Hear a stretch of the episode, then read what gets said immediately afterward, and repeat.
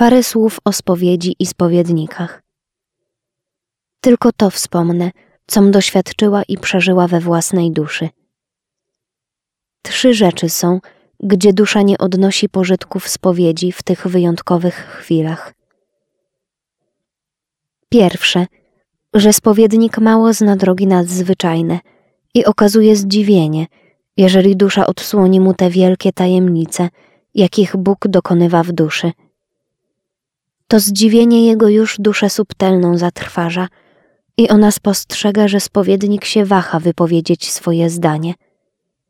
A dusza, jeżeli to spostrzeże, nie uspokoi jej, ale jeszcze więcej ma wątpliwości po spowiedzi, aniżeli przed spowiedzią, bo ona wyczuje, że spowiednik uspokaja ją, a sam nie ma pewności. Albo co mi się zdarzyło, że spowiednik, nie mogąc przeniknąć niektórych tajemnic duszy, odmawia jej spowiedzi. Okazuje jakąś bojaźń przed zbliżeniem się takiej duszy do kratki. Jakże może dusza w takim stanie czerpać uspokojenie w konfesjonale, gdyż ona jest subtelniejsza na każde słowo kapłana.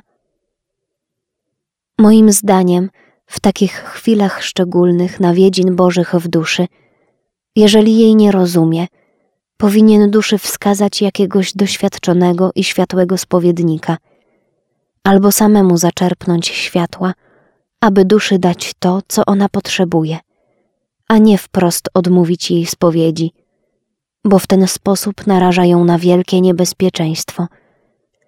I może nie jedna dusza opuścić drogę, na której ją Bóg szczególniej chciał mieć.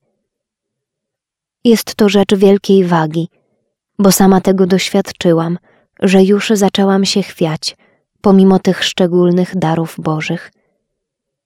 Chociaż mnie Bóg sam uspokajał, jednak zawsze pragnęłam mieć pieczęć Kościoła. Druga rzecz. To, że spowiednik nie pozwoli się szczerze wypowiedzieć, okazuje zniecierpliwienie. Dusza w ten czas milknie i nie mówi wszystkiego, a tym samym nie odnosi pożytku. A tym mniej odnosi pożytku, kiedy się zdarzy, że spowiednik zaczyna doświadczać duszę, a nie znając jej. Dlatego zamiast pomóc duszy, to szkodzi jej. A to dlatego, że ona wie, że spowiednik nie zna jej, bo nie pozwolił całkowicie odsłonić się jej, jak co do łask, tak i co do nędzy. A więc próba nie jest stosowna. Miałam niektóre próby, z których się śmiałam. Lepiej tę rzecz wyrażę tymi słowami, że spowiednik to lekarz duszy. Więc jak lekarz, nie znając choroby, może dać stosowne lekarstwo? Nigdy. Bo albo nie będzie wywierać żadnego skutku pożądanego, albo da za silne, gdzie powiększy chorobę. A czasami, co nie daj Boże, może nastąpić śmierć, ponieważ za silne. Mówię to z doświadczenia, że w pewnych wypadkach wprost sam Pan mnie powstrzymywał. Trzecia rzecz to, że się zdarza, że spowiednik nieraz lekceważy drobne rzeczy. Nic nie ma w życiu duchowym drobnego. Czasami rzecz drobna na pozór odkryje rzecz wielkiej wagi, a dla spowiednika jest snopem światła w poznaniu duszy. Wiele odcieni duchownych kryje się w rzeczach drobnych. Nigdy nie stanie gmach wspaniały, jeżeli odrzucimy drobne cegiełki. Bóg od niektórej duszy żąda wielkiej czystości, więc zsyła jej głębsze poznanie nędzy. Oświecona światłem z wysoka, lepiej poznaje, co się Bogu podoba, a co nie. Grzech jest według poznania i światła duszy – to samo i niedoskonałości. Chociaż ona wie, że co do sakramentu ściśle należy, to jest grzech. Ale te drobne rzeczy mają wielką doniosłość w dążeniu do świętości i nie może spowiednik tego lekceważyć. Cierpliwość i łagodność spowiednika otwiera drogę do najgłębszych tajni duszy. Dusza niejako bezwiednie odsłania swą przepastną głębię – i czuje się silniejsza i odporniejsza.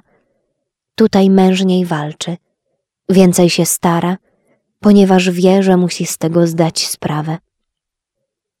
Jeszcze jedno wspomnę co do spowiednika. On musi nieraz doświadczyć, musi próbować, musi ćwiczyć, musi poznać, czy ma do czynienia ze słomą, czy z żelazem, czy z czystym złotem. Każda z tych trzech dusz potrzebuje odrębnego ćwiczenia. Musi, i to koniecznie spowiednik wyrobić sobie o każdej sąd jasny, aby wiedział, co ona może udźwignąć w pewnych chwilach, okolicznościach i wypadkach. Co do mnie, to później po wielu doświadczeniach, kiedy poznałam, że nie jestem zrozumiana, to nie odsłaniałam swej duszy i nie mąciłam sobie spokoju. Ale to miało miejsce dopiero w ten czas, kiedy, czyli od czasu, kiedy już te wszystkie łaski były pod sądem mądrego i wykształconego i doświadczonego spowiednika. Teraz wiem, jak w niektórych wypadkach się kierować. I znowuż pragnę powiedzieć trzy słowa do duszy, która pragnie stanowczo dążyć do świętości i odnosić owoc, czyli pożytek ze spowiedzi. Pierwsze, całkowita szczerość i otwartość. Najświętszy i najmądrzejszy spowiednik nie może gwałtem wlać w duszę tego, co pragnie, jeżeli dusza nie będzie szczera i otwarta. Dusza nieszczera, skryta, naraża się na wielkie niebezpieczeństwo w życiu duchownym i sam Pan Jezus nie udziela się takiej duszy w sposób wyższy, bo wie, że ona nie odniosłaby korzyści z tych łask szczególnych. Drugie słowo pokora. Dusza nie korzysta należycie z sakramentu spowiedzi, jeżeli nie jest pokorna. Pycha duszę utrzymuje w ciemności. Ona nie wie i nie chce dokładnie wniknąć w głąb swej nędzy. Maskuje się i unika wszystkiego, co by ją uleczyć miało. Trzecie słowo to posłuszeństwo.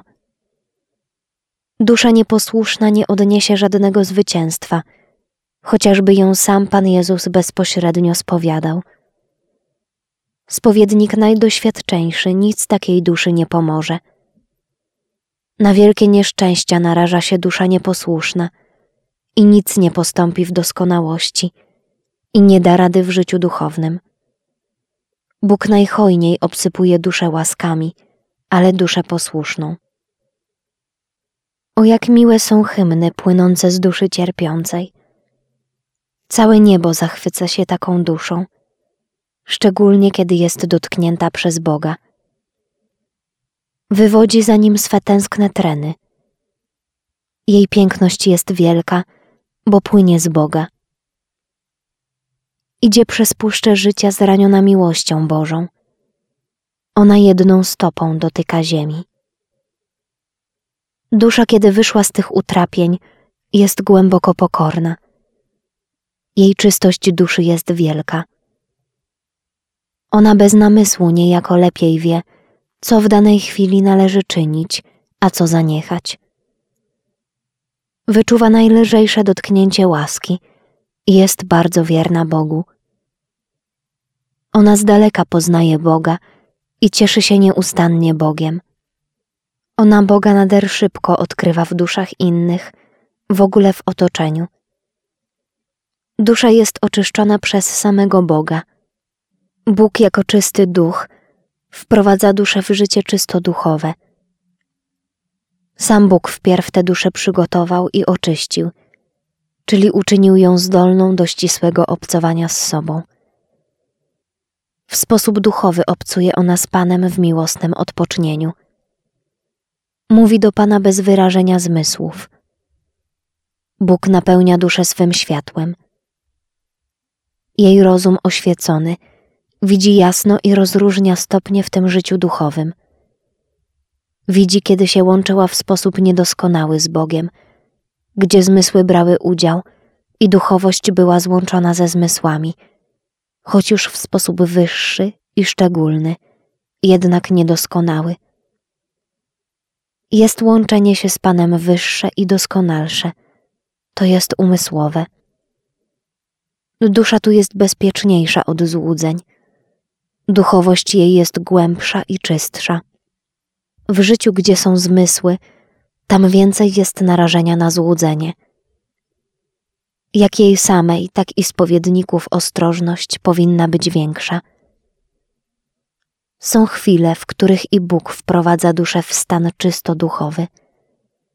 Zmysły gasną i są jakoby umarłe. Dusza jest jak najściślej zjednoczona z Bogiem, jest zanurzona w bóstwie. Poznanie jej jest całkowite i doskonałe, nie poszczególne jak dawniej, ale ogólne i całkowite.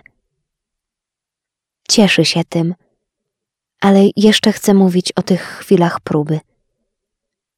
W tych chwilach trzeba, aby spowiednicy mieli cierpliwość z taką duszą. Ale największą cierpliwość powinna mieć dusza sama z sobą.